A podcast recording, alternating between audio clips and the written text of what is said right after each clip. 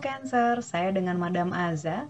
Sekarang kita bacakan kartunya untuk yang pertama karir ya. Justice keadilan. Saat kartu keadilan keluar, ini sebenarnya lagi diingatkan untuk melihat segala sesuatu dari bermacam uh, sisi, dari beragam sisi, dari nggak cuma dari sudut pandang kita aja, karena hati-hati akan jadi suatu hal yang terlalu subjektif. Akhirnya keadilan atau suatu hal yang paling bagus gitu ya, satu satu hal keputusan yang paling adil, yang paling tepat itu tidak didapat karena kita terlalu fokus pada sudut pandang kita sendiri tanpa menilai dari sudut pandang orang lain dan memikirkan uh, relevansinya ke orang-orang gitu. Terlalu subjektif, terlalu sudut pandangnya terlalu kita sendiri, jadi bukan keputusan yang terbaik yang dibuat gitu, tapi lebih ngikutin ego saat itu. Akhirnya nggak bagus. Jadi dalam hal karir diminta untuk lebih uh, memperhatikan segala unsur yang berkaitan. Misalnya nih dalam hal pekerjaan, uh, saya pengennya seperti ini. Tetap aja kan harus merhatiin kapasitas teman kerja kayak gimana gitu. Terus keinginan klien seperti apa, ekspektasi atasan seperti apa gitu, output yang diharapkan perusahaan seperti apa nggak semua-muanya hanya bisa berdasarkan keinginan dan idealisme kita sendiri.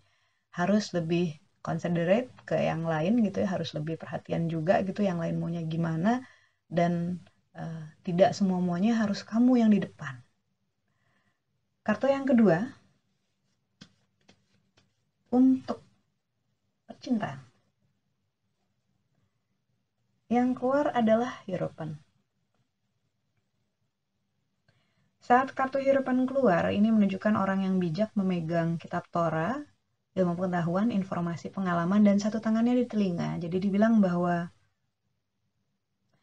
sudah saatnya untuk bicara dengan pasangan ataupun calon pasangan gitu ya, untuk bicara dari hati ke hati dengan merobohkan semua asumsi awal.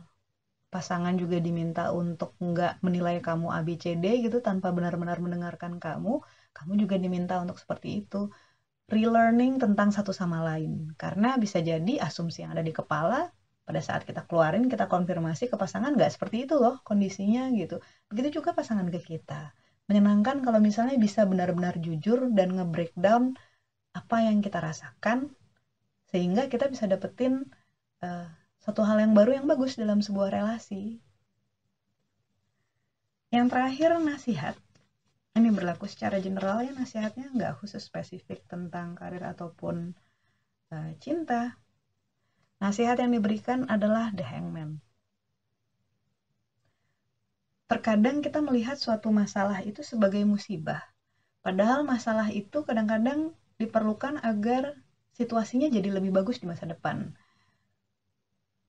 Ibaratnya kalau orang lagi bikin Lego gitu ya harus dihancurkan dulu agar bisa dibangun dengan bentuk yang lebih baru, lebih bagus, lebih kokoh gitu ya.